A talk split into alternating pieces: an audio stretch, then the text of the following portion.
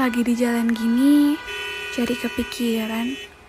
Nanti kalau udah lulus, mau kerja apa ya? Jangan bingung dong, dengerin podcast 9 to 5. And now you are listening to 9 to 5 podcast by Podcast Campus Digital Creative.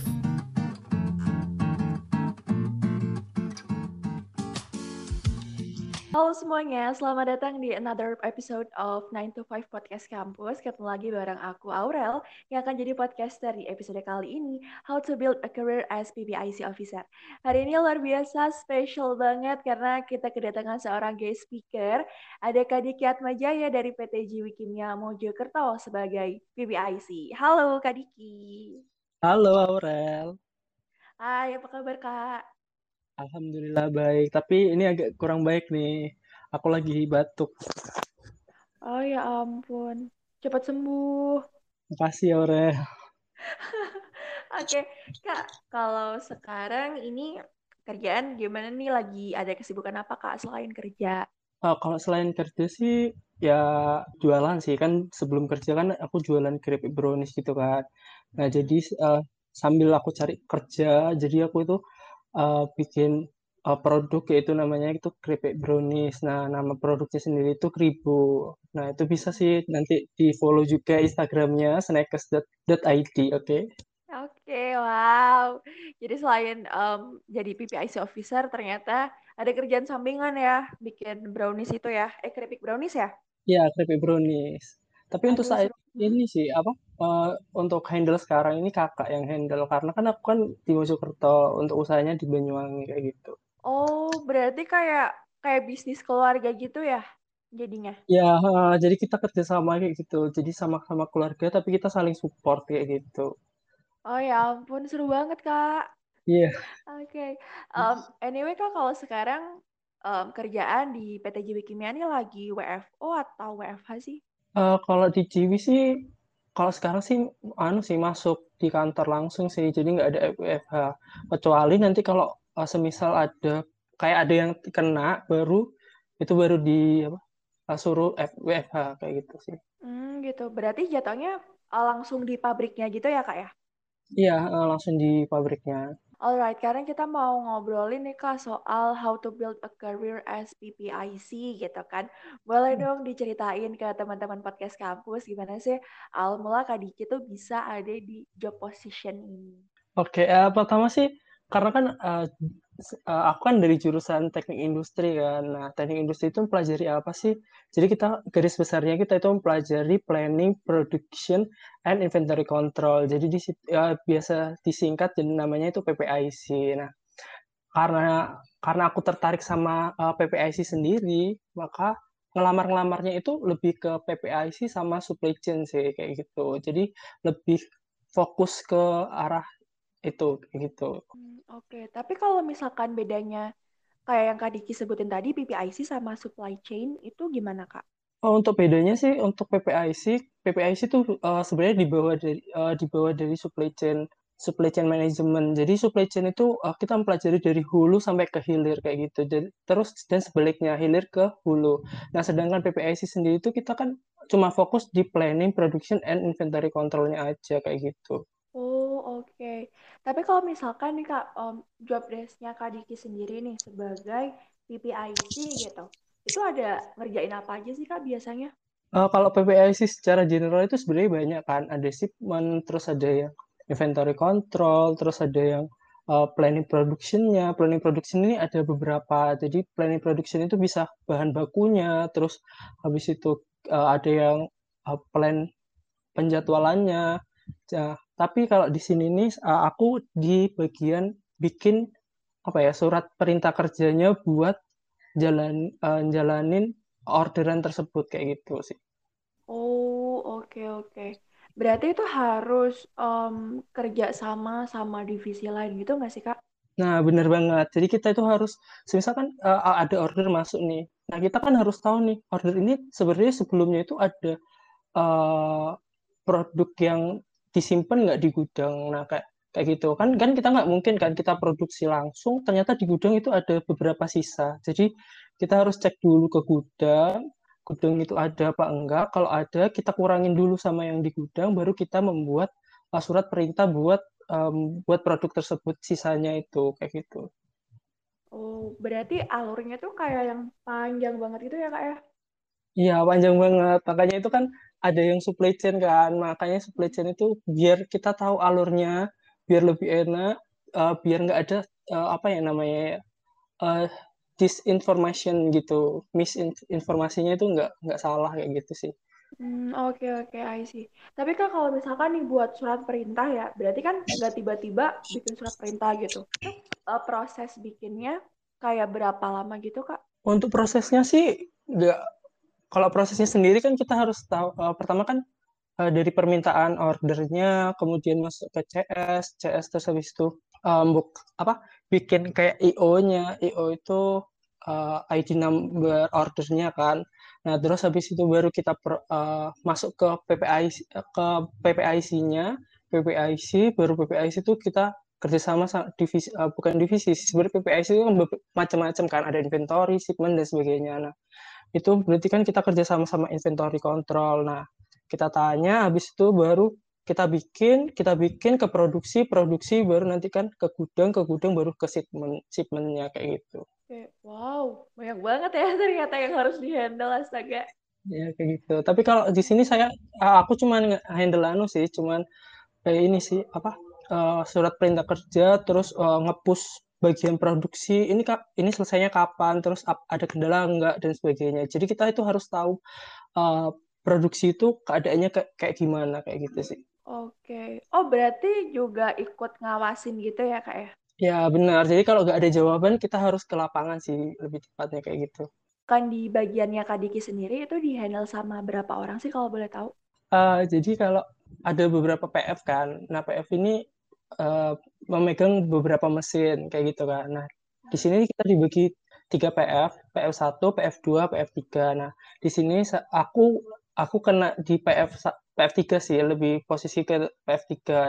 Nah di PF3 sendiri itu ada dua ada tiga orang.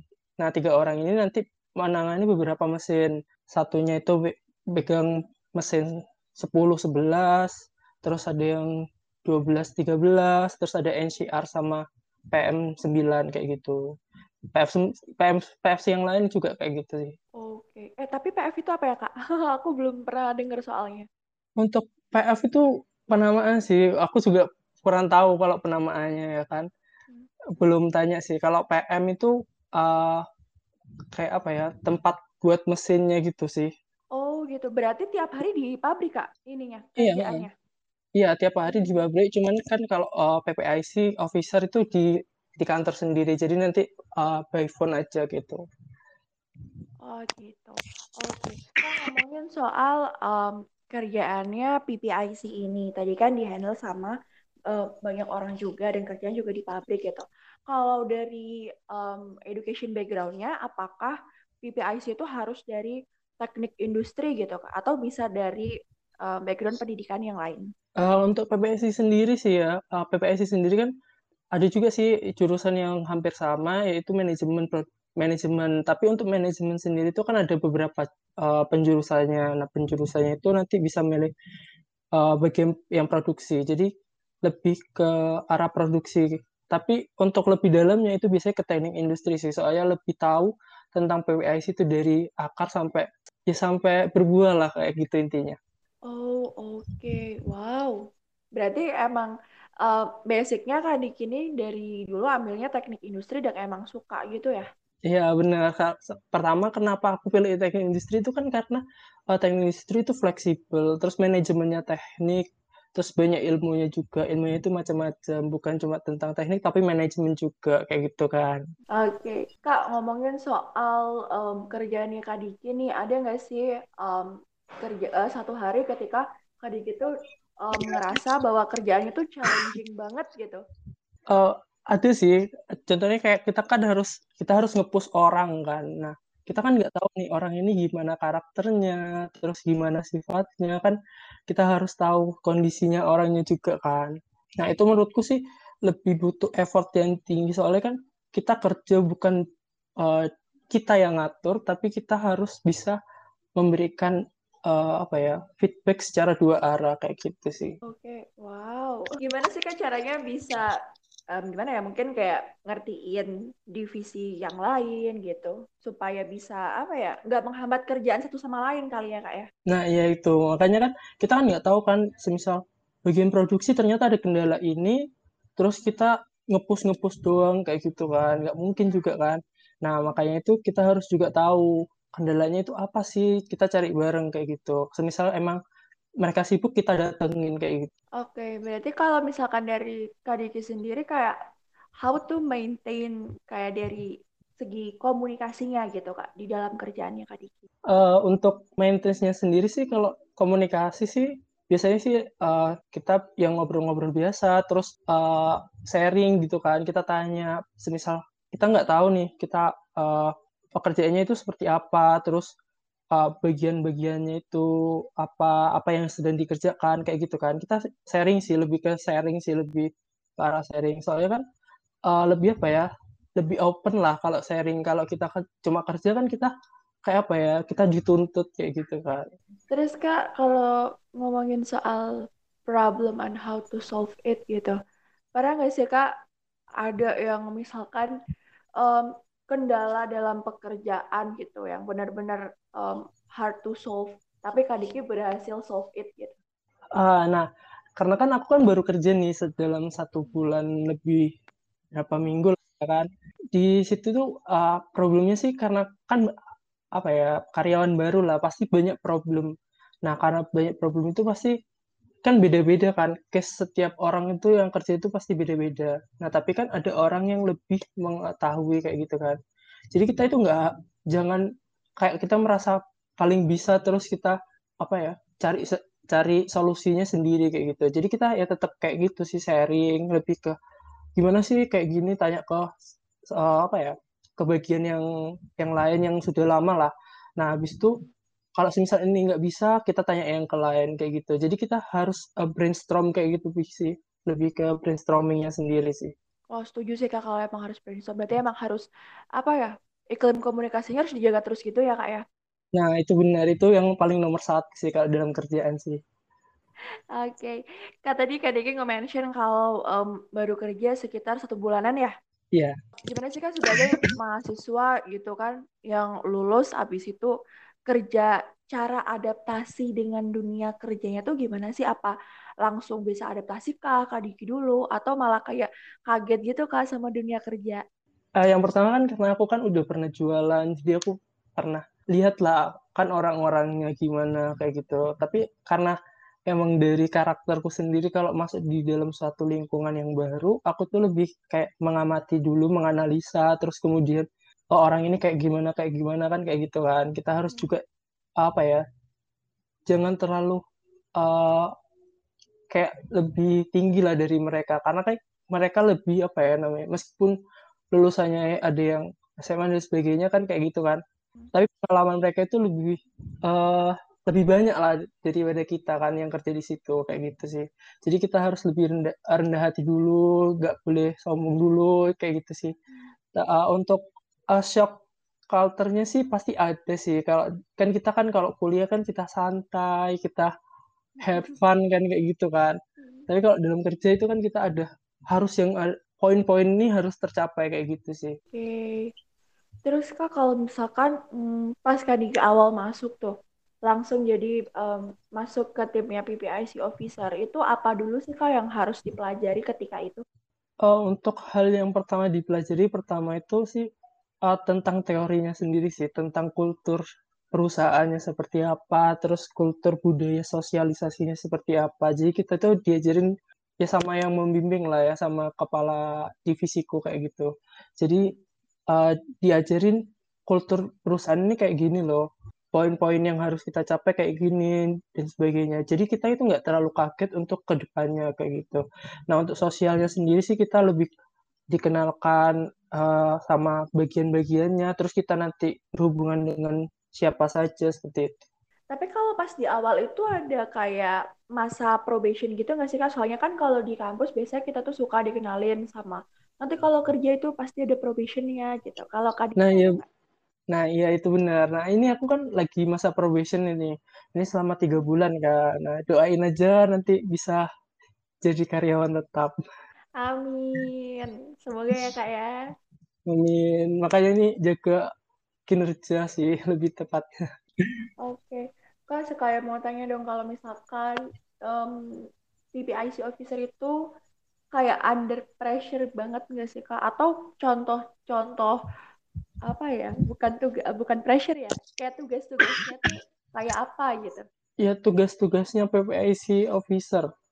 Uh, kalau PPIC officer itu kan ada yang uh, yang pertama itu uh, kan kita kan PPI ada PPIC inventory control. Jadi inventory control itu dia itu ngecek barang, barangnya itu apa aja di gudang, terus um, buat aspek uh, surat perintah kerja buat ngeri-work, terus ada pengerjaan ulang kayak gitu. Terus kalau aku kan SPK buat produksinya, jadi lebih ke buat uh, buat surat perintah kerja buat produk yang baru kayak gitu, yang fresh.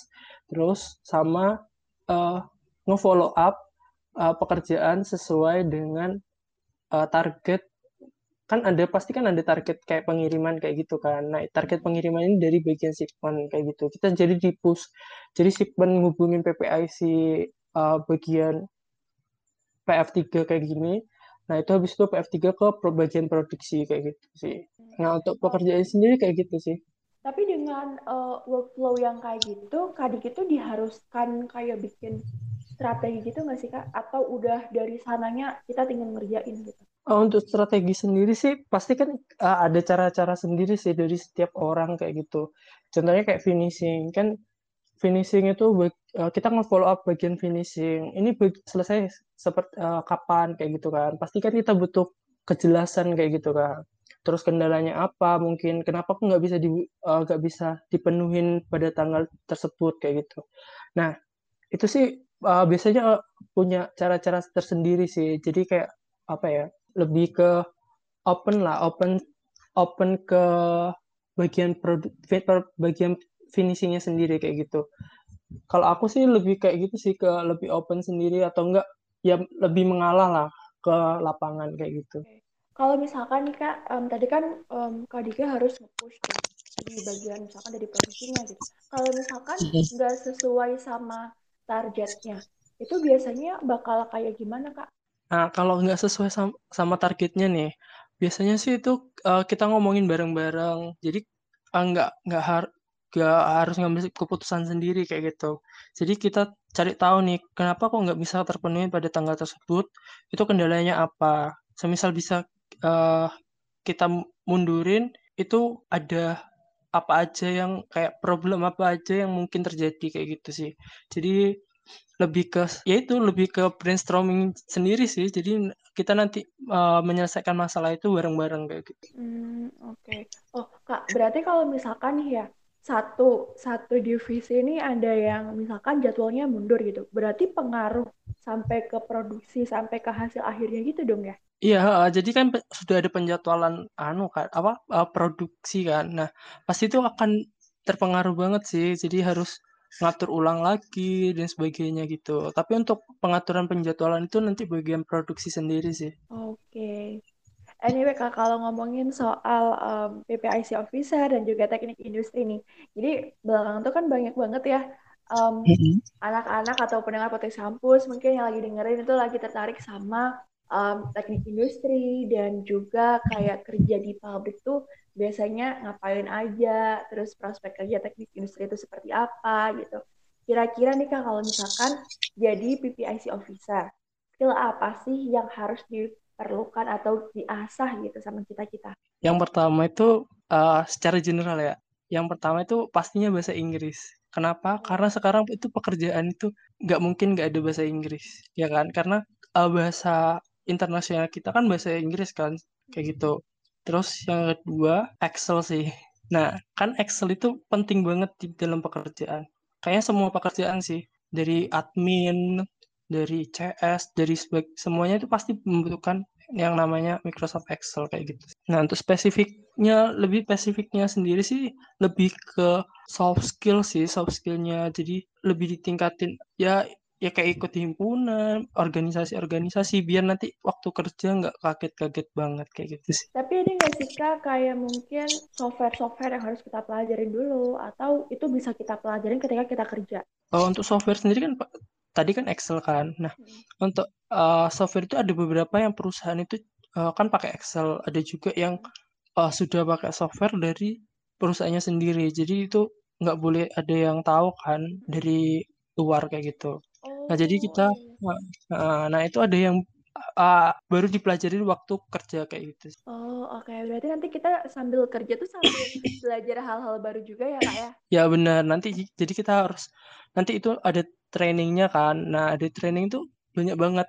Jadi ada yang uh, kita mempelajari produk-produk apa aja, terus produk itu seperti apa, spesifikasinya spesifikasinya itu seperti apa, terus uh, diproduksi di mesin apa aja kayak gitu sih. Jadi banyak banget. Tapi kak kalau tadi uh, Kak Diki juga suka ngomongin mesin-mesin gitu. Apakah PPIC officer itu juga harus ngerti mesin ini fungsinya apa gitu?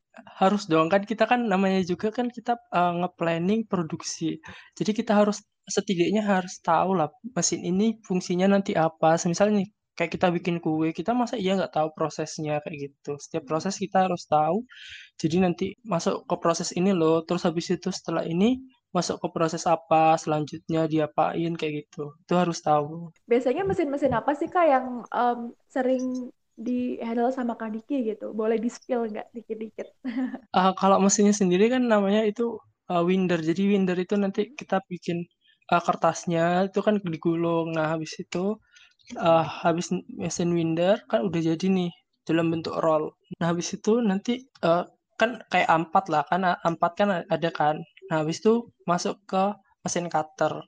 Nah habis cutter itu dipotong sesuai dengan ukuran yang diminta oleh konsumen kayak gitu. Terus nanti ada wrapping pembungkusan. Ya sama lah kan wrapping kan pembungkusan sesuai dengan yang diminta customer desainnya seperti apa kayak gitu. Oh berarti itu hmm, jadi kayak karena PT Jiwi Kimia ini bikinnya kertas ya kak ya? Eh iya kan ya kak? Betul ya? Iya iya benar kertas. Jadi tuh kayak kertas yang gulungan roll gede gitu terus baru dipotong kecil-kecil gitu ya kak? Sesuai sama buku-buku yang biasa kita beli di luaran gitu. Ya benar. Nah kalau untuk buku sendiri sih itu ada sendiri sih. Nanti PPIC Stationery kayaknya kalau salah. Jadi beda-beda. Kalau saya aku kan di officer. Jadi officer tuh bagian yang kertas yang kertas roll-rollan terus ada apa kertas kertas kar apa kardus kayak gitu kertas brown namanya kayak gitu. Itu roll terus untuk nah kalau untuk kertas yang roll itu biasanya itu ukuran B5 kayak gitu. Terus uh, low sleeve itu kan low sleeve terus A4 A4 F4 kayak gitu sih. A3 oh berarti banyak banget ya kak ya jatuhnya ya? Ya kayak gitu sih tapi ini emang di satu pabrik aja kak yang di Mojokerto atau gimana? Ada beberapa pabrik yang sama kok, yang uh, produksinya sama, tapi ada beberapa yang, semisal nih A ini ada beberapa yang produksi ini tapi tidak ada di produksi di pabrik B gitu. Oh beda-beda ya kak ya jatuhnya ya? Ya ada yang beda-beda kayak gitu. Oh tadi sempat ngulik-ngulik dikit gitu kalau PPIC itu um, katanya bisa juga ngatur keuangan itu betul nggak kak? Bener banget. Nah itu biasanya itu ada PPIC. Uh, contohnya kakakku kan, kakakku kan juga PPIC. Jadi itu setiap hari dia itu ngitung namanya itu HPP. Apa sih HPP itu? Harga pokok produksinya kayak gitu. Jadi kita harus tahu uh, satu hari itu nanti produksinya berapa, ngeluarin produk berapa, satu produknya itu harganya nanti berapa kayak gitu. Oh wow, itu di um, yang handle kayak satu tim gitu kak? Iya satu tim. Biasanya satu mesin sih, satu mesin satu orang biasanya. Kalau yang ngatur kayak keuangan itu juga sih. Oh wow, berarti satu, satu mesin satu orang. Terus kayak mesinnya ada berapa banyak kak kalau di pabrik? Nah itu nggak tahu. ada banyak banget gak sih kak? Ya lumayan lah. Oke, Kak Diki penasaran nih gimana sih caranya biar bisa kerja di PT Jiwi Kimia, kayak apa yang harus kita siapin kalau kita mau apply di sana. Boleh dong Kak di-spill? Hmm, kalau ngelamar waktu itu ngelamar kan ada uh, pertama cari informasi sih. itu dan itu cari informasi yang benar-benar informasinya jelas dari mana, terus bener-bener itu ada lowongan. Kan banyak sekal- sekali sekarang kan lowongan-lowongan yang hoax kayak gitu kan. Nah, terus yang kedua, buat CV itu semenarik mungkin. Terus usahain lah kalau semisal kamu nggak suka organisasi, ya carilah gimana cara mengembangkan skill-skill diri sendiri gitu, nge-upgrade. Nah, yang ketiga, waktu ke lulus, waktu sudah semisal sudah lulus nih, terus kamu ngelamar-lamar, please jangan diem diri, tapi cari hal yang bisa uh, bukan cuma menunggu bola, tapi kamu harus menjemput bola. Maksudnya itu yang meskipun kamu istilahnya kan nganggur kan, kamu lebih baik cari sesuatu mungkin ikut seminar, workshop atau apa pun itulah. Kan kayak aku kan aku jualan kue kayak gitu kan jadi nggak nganggur kayak gitu. Usahain kayak gitu sih. Terus yang keempat ya sudah berdoa. Itu. Betul betul betul banget jadi usahanya sama berdoa gitu sih Oke, okay. nah tadi um, Kak Diki sering nge-mention soal harus ikut organisasi. Menurut Kak Diki itu seberapa penting sih ketika kita ikut organisasi dan efeknya buat um, ininya karir kita yang bakal kita jalanin ke depannya?